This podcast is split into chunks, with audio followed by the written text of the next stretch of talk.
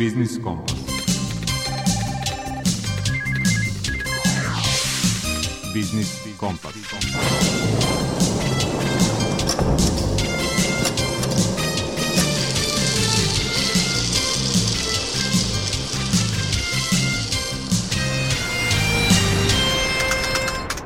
Dobar dan, ja sam Eva Tomović i bit ću sa vama o današnjem Biznis Kompasu. Emisiju počinjemo rubrikom Aktuelno. Summit žena lidera okupio je više od 200 poslovnih žena iz regiona. Skup je održan u Fruškim termama na Fruškoj gori, tamo je bila Željana Ostojić.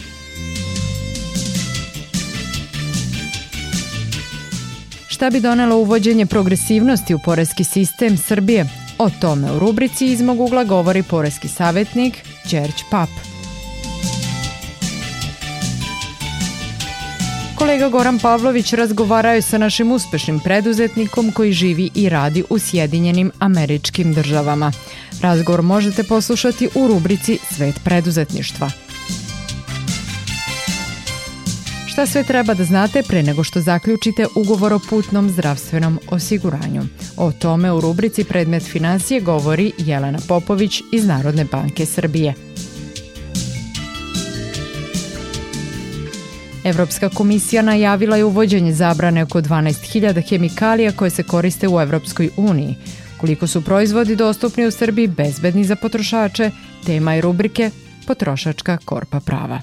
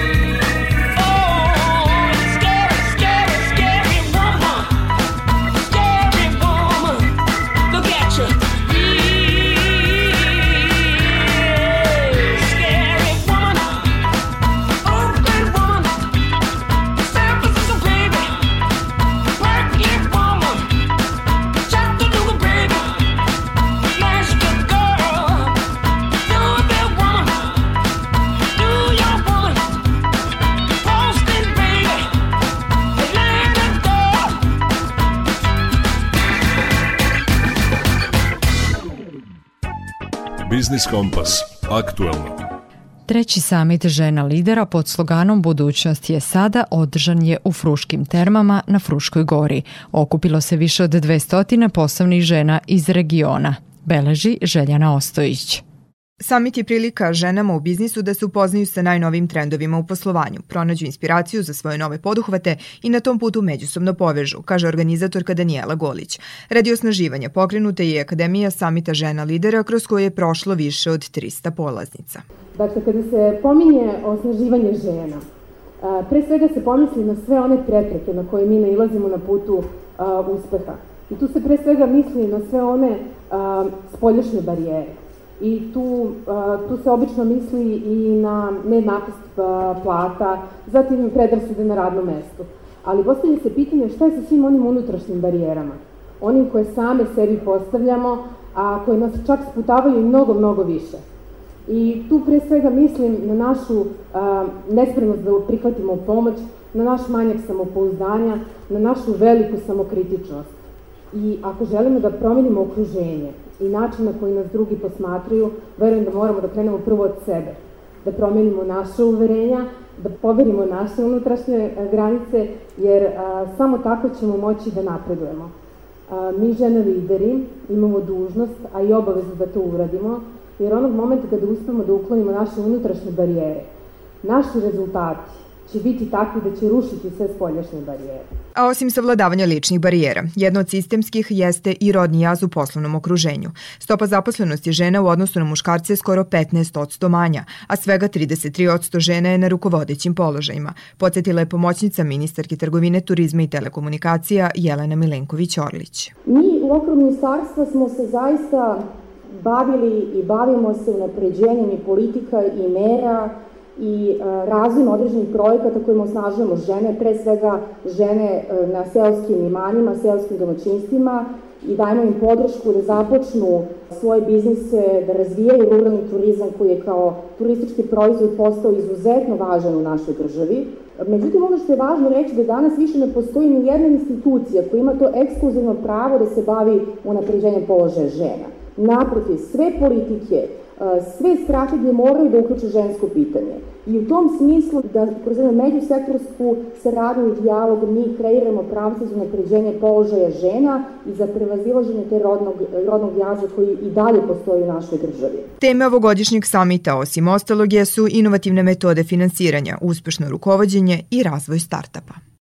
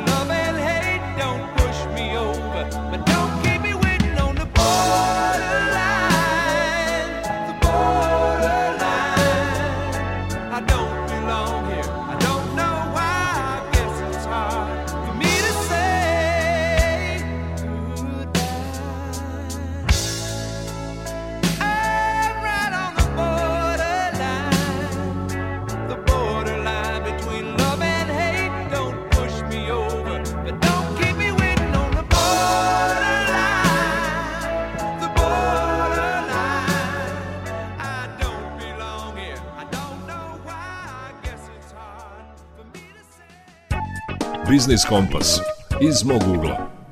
U Srbiji još ne postoji progresivni sistem oporezivanja zarada koji se inače primenjuje u evropskim državama sa izuzetkom nekih istočnih zemalja. O uvođenju takvog oporezivanja kod nas mišljenja su oprečna. O tome u rubrici iz mog ugla govori porezki savjetnik Đerć Pap.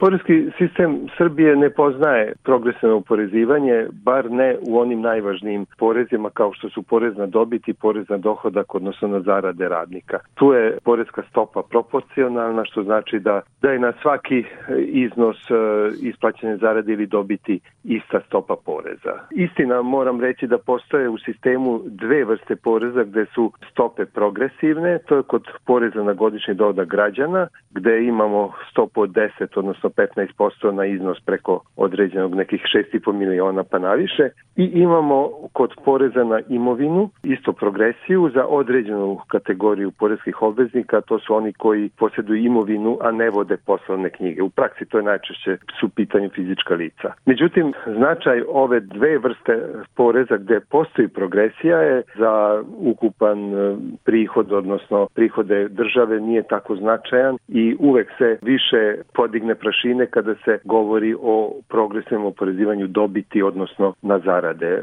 na isplaćene, poreza na isplaćene zarade. I tu je sada zaista su podeljena mišljenja, zato što i jedan i drugi koncept ima i svojih prednosti, a ima i svojih mana.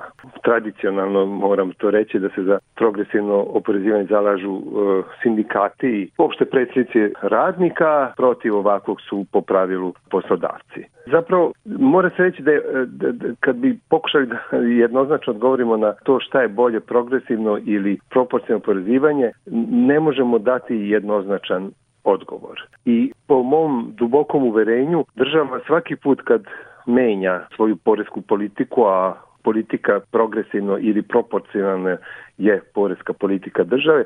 Znači svaki put bi trebala da izvrši odgovarajuće i to značajne analize i istraživanja, rekao bih, da ne bi napravila veću štetu od koristi e, ovakvog uvođenja promene u, u poreskom sistemu. Po meni je ono što je najznačajnije jeste da se stvari ne posmatraju jednostrano ili da kažem fragmentarno, nego da se eventualni uvođenje progresije u ovom našem slučaju ja, posmatra u svojoj celini.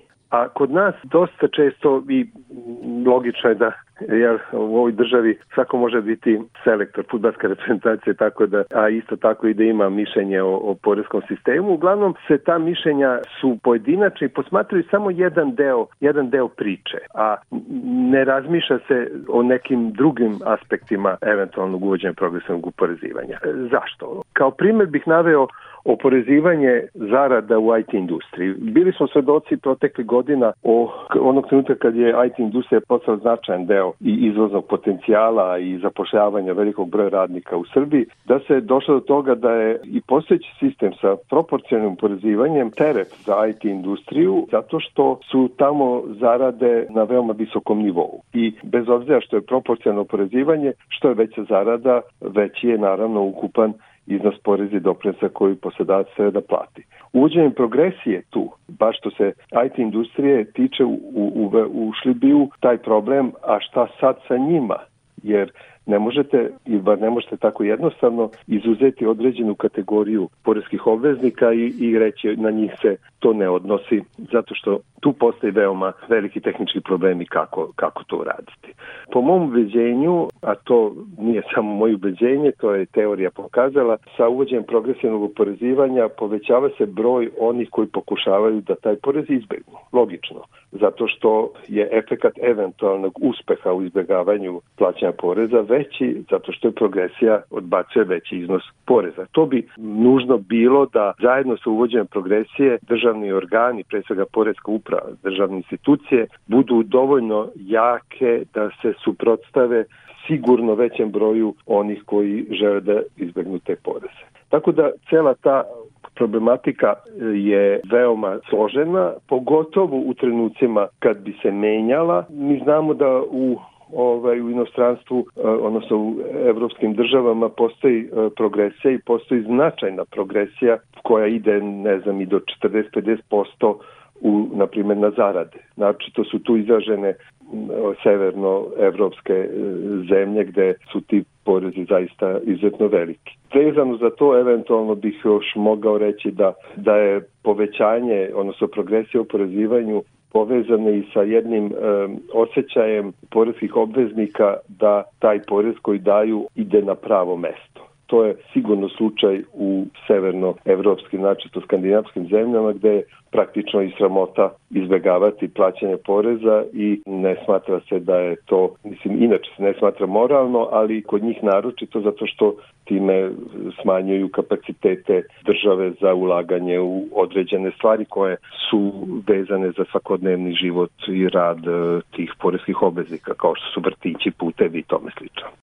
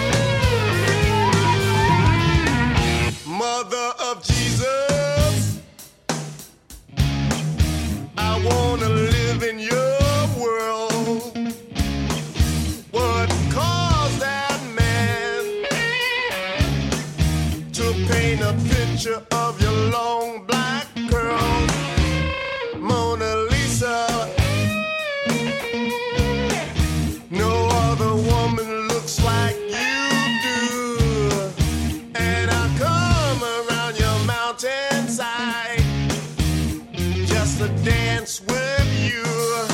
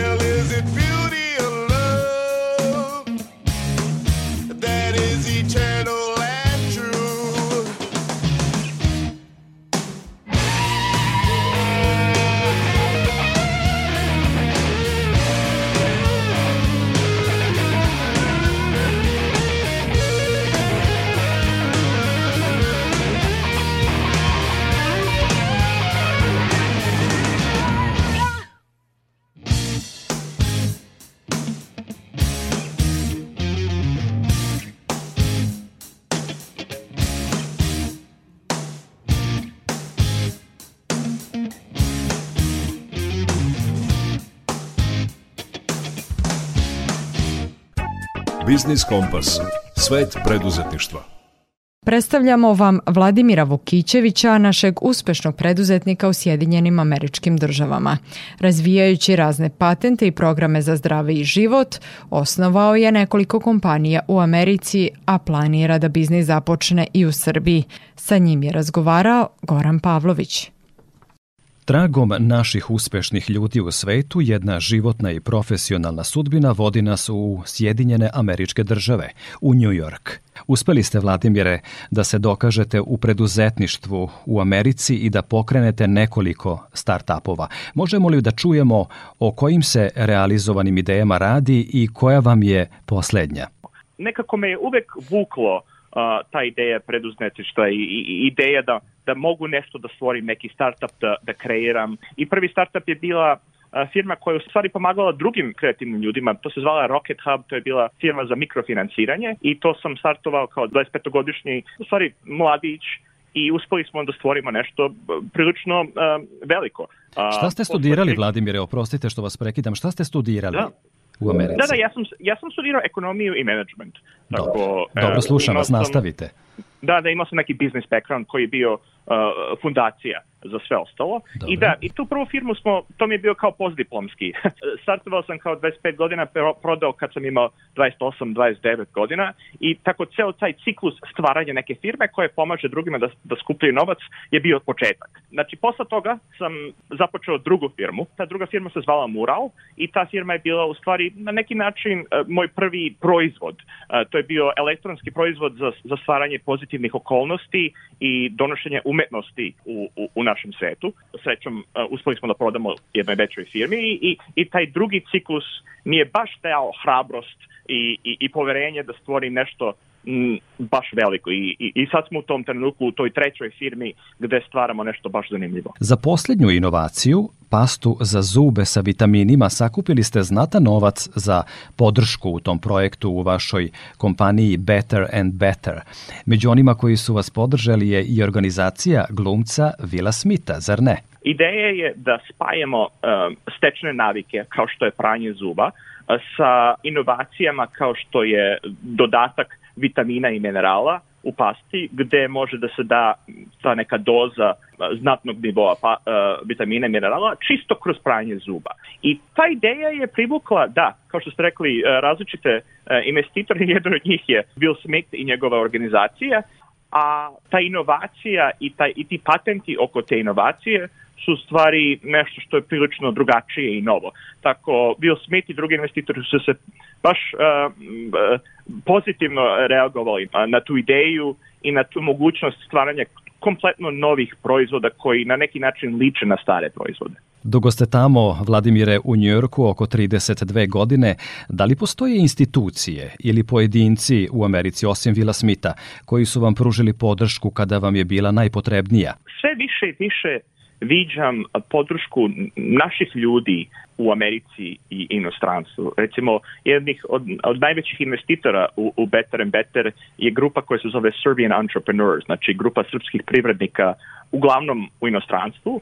Ta grupa je e, se spojila u zadnjih 5-6 godina i zadnje dve godine su počeli da investiraju u firme sa, sa našim ljudima kao što sam ja koji predvode te firme. Tako postoji taj neki sistem ili ciklus pozitivan koji se stvara i postaje sve jači i jači. I baš mi se sviđa to pošto na kraju postoji ta neka veza i stvara se novi sistem za, za podržavanje preduzetnika u, u celom svetu. Radom u svojoj kompaniji imali ste kontakte, čuli smo sa domaćim srpskim preduzetnicima i kompanijama, oni koji žele da unapređuju svoje poslovanje i život uopšte vole da čuju iskusne i ostvarene ljude koji uvek imaju neku korisnu sugestiju.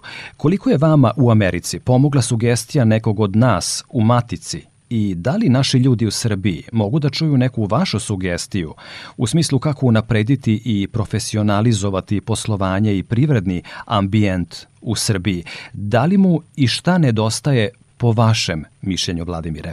E, da, ja mislim, e, što se tiče e, podrške ili ideje iz Srbije, ja mislim da je nekako zanimljivo kako kod nas ideja veganskih proizvoda, prirodnih proizvoda, alternativne čak medicine, i u stvari na neki način naprednija nego što je u Americi ili, ili na zapadu. Uh, tako često ja uh, viđam u, u Srbiji neke nove proizvode, nove ideje, uh, nove komponente uh, koji još čak i ne postoje ovde.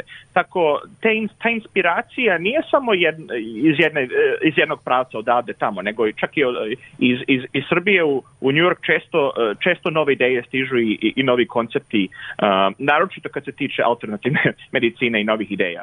Da li ste često u Srbiji i kako se organizujete kada dođete ovamo? Šta vam je najpreče? Pa jesam, naročito pre, pre COVID-a sam dolazio 3-4 puta godišnje, sad dolazim otprilike dva puta godišnje. Počeli smo da istražujemo uh, mogućnost proizvodnje ili razvoja različitih proizvoda u Srbiji. Tako, uh, iako smo u početku 100% bazirani uh, ovde u Americi, postoje mogućnosti da se uh, iskoriste naši ljudi, naši resursi na neki vrlo pozitivan i dobar način, naročito pošto planiramo da se širimo u Evropu i Aziju uh, sledeće godine, 2023. Tako Srbija možda posta, postane neki centar naših evropskih operacija i na, e, evropske proširenja. Želim vam svako dobro na dalekom kontinentu, u Njujorku, u Americi i rado bismo vas ugostili u radio televizije Vojvodine ako budete došli u Maticu i budete imali vremena za nas iz medija. Umeđu vremenu želimo vam još puno uspeha.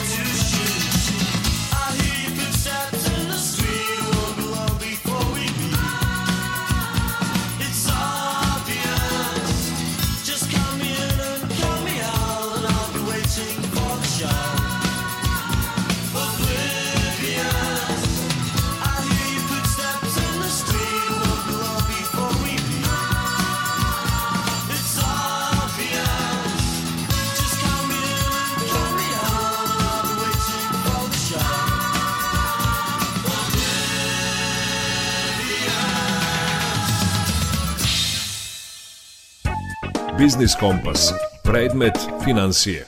Šta najčešće pokriva polisa putnog osiguranja? Šta prvo treba da uradite ako nastane osigurani slučaj u inostranstvu? O svemu što treba da znate pre nego što zaključite ugovor o putnom zdravstvenom osiguranju, govori Jelena Popović iz Narodne banke Srbije. I ono što je najvažnije i što mi vrlo često savjetujemo građanima jeste da pre nego što zaključe ugovor o osiguranju, da je potrebno da se informišu o uslovima pod kojima se osiguravaju. Naročito je potrebno obratiti pažnju na isključenja, to jest građani treba da znaju šta je to što nije uključeno u osiguranje i zašto ne mogu očekivati naknadu od društva za osiguranje u slučaju nastanka štetnog događaja. Ovo važi naravno za sve vrste osiguranja, ne samo za putno zdravstveno. Društvo za osiguranje je dužno da vam pre zaključenja ugovora dostavi informacije o uslovima osiguranja, o rizicima koji su pokriveni osiguranjem, kao naravno i isključenjima. Ovaj vid osiguranja pruža zaštitu za slučaj iznenadne bolesti i povreda za vreme boravka u inostranstvu. Ukoliko nastupi osigurani slučaj, potrebno je da se prvo obratite na kontakt telefon naznačen na, na vašoj polisi. Znači na svakoj polisi postoji broj telefona, e-mail adresa, takođe može i preko Vibera, Whatsappa i tako dalje, pogotovo ukoliko ste u inostranstvu, što sigurno značajno snižava troškove mobilnog operatera i tako dalje. Visina premije osiguranja koju plaćate zavisi od toga u koju zemlju putujete, od svrhe putovanja, dužine boravka, od vaših godina života, kao i od toga da li putujete individualno, porodično ili grupno. Napominjamo da neke ambasade traže polisu putnog zdravstvenog osiguranja kao uslov za dobijanje vize. Putno zdravstveno osiguranje se može ugovoriti kao pojedinačno, porodično i grupno. Šta najčešće pokriva polisa putnog zdravstvenog osiguranja? Troškove ambulantnog i bolničkog lečenja, lekova i sanitetskog materijala i slično, troškove transporta do najbliže bolnice i troškove medicinske evakuacije. Šta je to što treba da znate o ovoj vrsti osiguranja? Ugovor o putnom zdravstvenom osiguranju mora da bude zaključen pre odlaska na putovanje. Po polisi putnog zdravstvenog osiguranja osigurani ste do povratka u zemlju.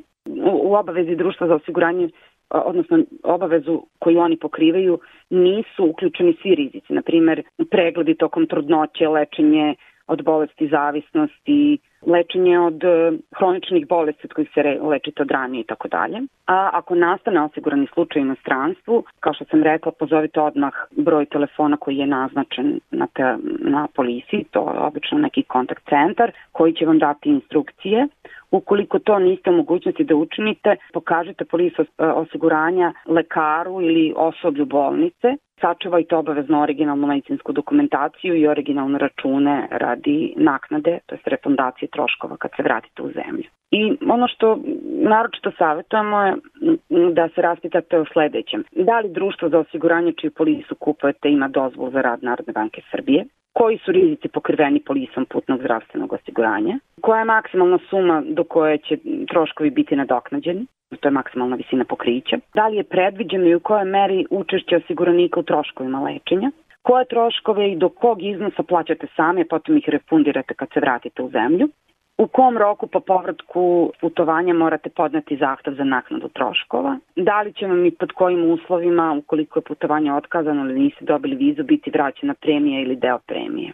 Dakle, sve ove informacije možete pronaći u uslovima osiguranja koje vam je društvo dužno da dostavi prilikom zaključenja ugovora o osiguranju i kao što sam rekla obavezno obratite pažnju na isključenje. Naravno, uvek e, i prilikom zaključenja svakog ugovora o osiguranju pitajte sve što vam nije jasno, nemojte, nemojte ulaziti u ugovorni odnos dok vam sve informacije i svi podaci o, o tom konkretnom proizvodu nisu do kraja jasni.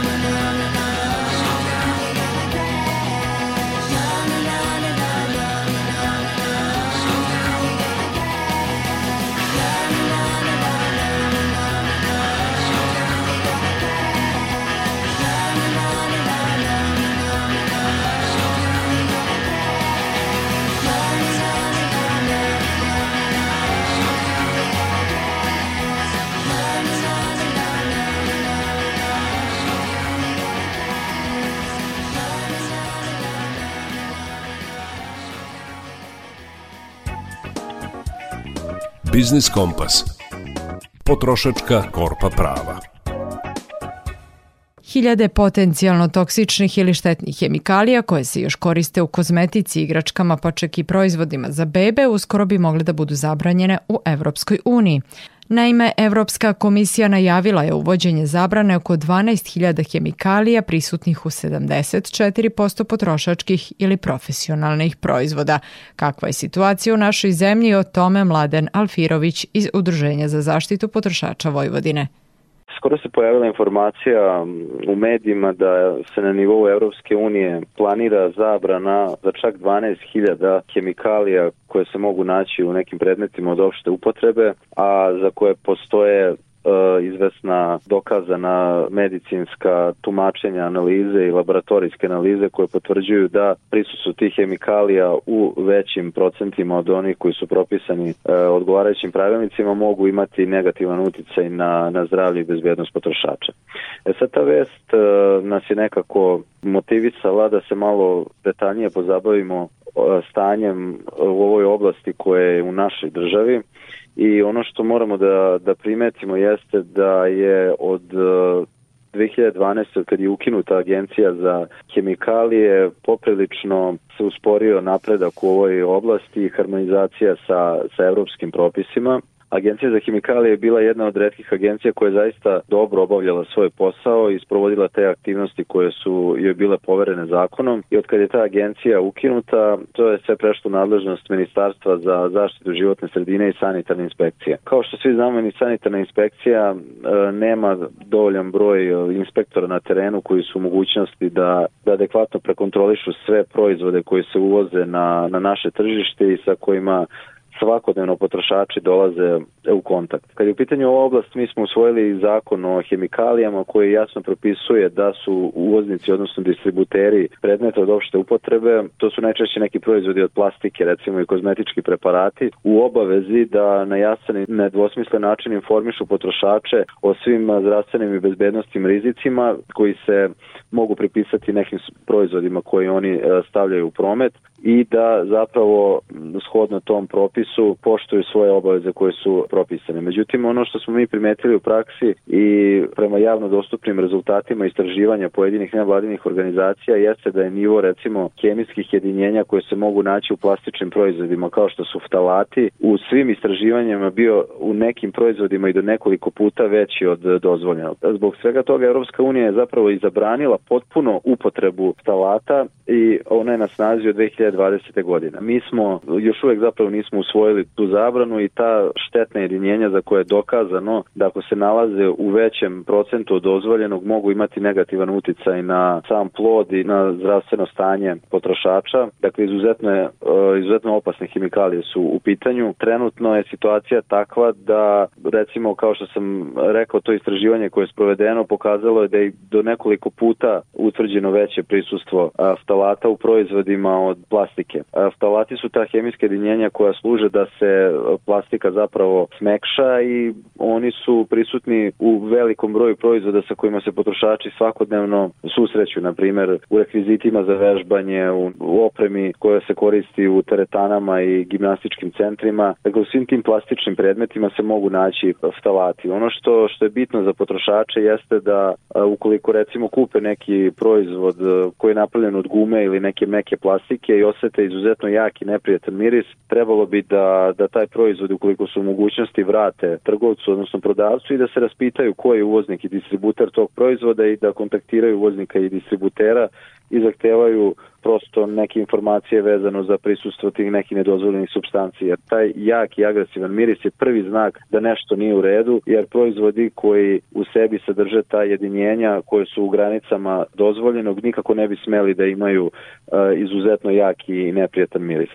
Dakle, s obzirom na to da smo mi u poslednjih nekoliko godina prilično zaostajemo i kaskamo za, za evropskim propisima, ovo je nešto što bi potrošači mogli sami da urade, a ono čemu se mi e, nadamo i na šta apelujemo jeste da se nadležni organi ustanove ozbiljnije pozabave ovom materijom jer zaista korišćenje tih nekih e, hemikalija u predmetima od opšte upotrebe je nekako e, ostalo u senci nekih drugih aktualnih dešavanja kad je u pitanju zaštita životne sredine koje se tiču zagađenja i Rio Tinta. Nekako smo prestali da se bavimo ovom temom, a ona je i tekako značajna za potrošače budući da smo bukvalno okruženi i svakodnevno dolazimo u kontakt sa sa tim proizvodima. Tako da očekujemo da će dalja harmonizacija sa, sa Evropskom unijom i jačanje svijesti edukacije zapravo i potrošača i uvoznika i distributera doprineti da se smanji prisustvo tih e, proizvoda koji u sebi sadrže neke nedozvoljene substance ili ih sadrže u procentu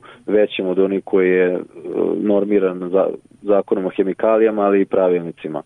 Takođe ono što smo primetili da se u praksi ne poštuje jeste i obeležavanje tih proizvoda gde je jasno propisano na osnovu podzakonskih akata na koji način se ti proizvodi obeležavaju, koje sve informacije moraju da se nalaze na, na njima, tako da je ovo tema o kojoj bi moralo mnogo više da se govori i mnogo više bi moralo da se radi na edukaciji informisanju potrošača kad su u pitanju ovi proizvodi. Ono što je korisno jeste takozvana neprobaza, to je jedan sajt koji e, vodi Ministarstvo trgovine, turizma i telekomunikacija i gde se mogu naći informacije o nebezbednim proizvodima koji su povučeni sa tržišta Srbije. Nepro sajt informacije koje se na njemu mogu pronaći mi neretko prenosimo na, na našem portalu potrošač.info i na taj način nekako omogućavamo potrošačima da se informišu.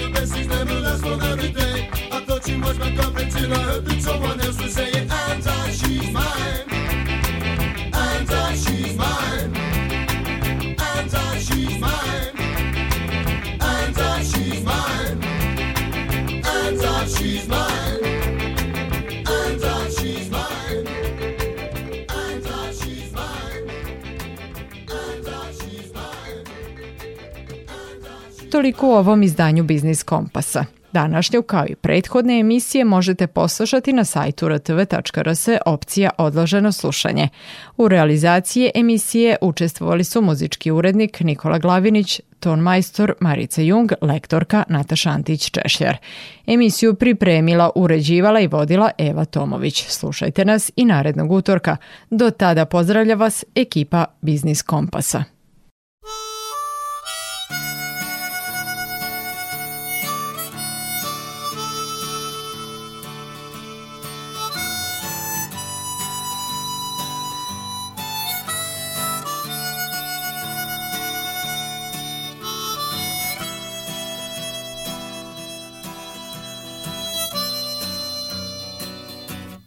Met my love by the gasworks wall.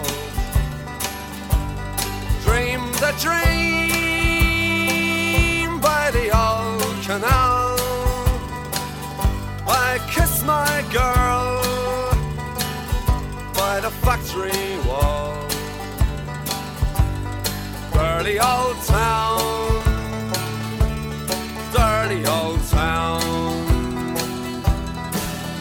are drifting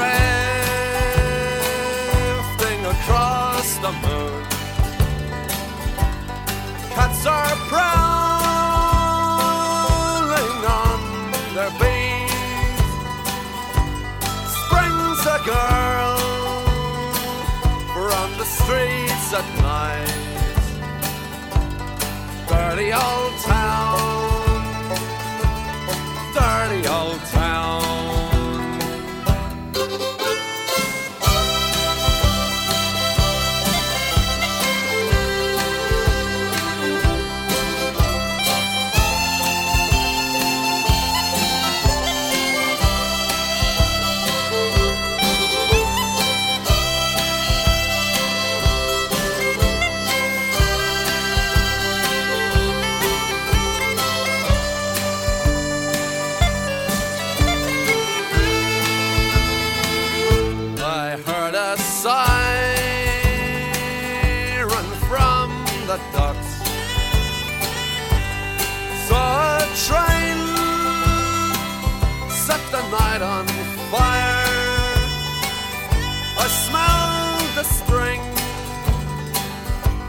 the smoky wind. Dirty old town, dirty old town. I'm gonna make me a picture box Shining steel Tempered in the fire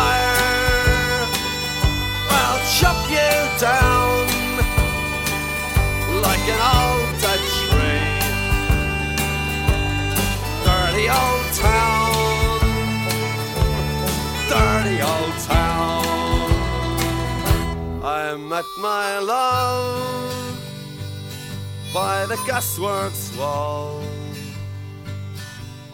Dreamed a dream by the old canal. I kissed my girl by the factory wall. Dirty old town dirty old town.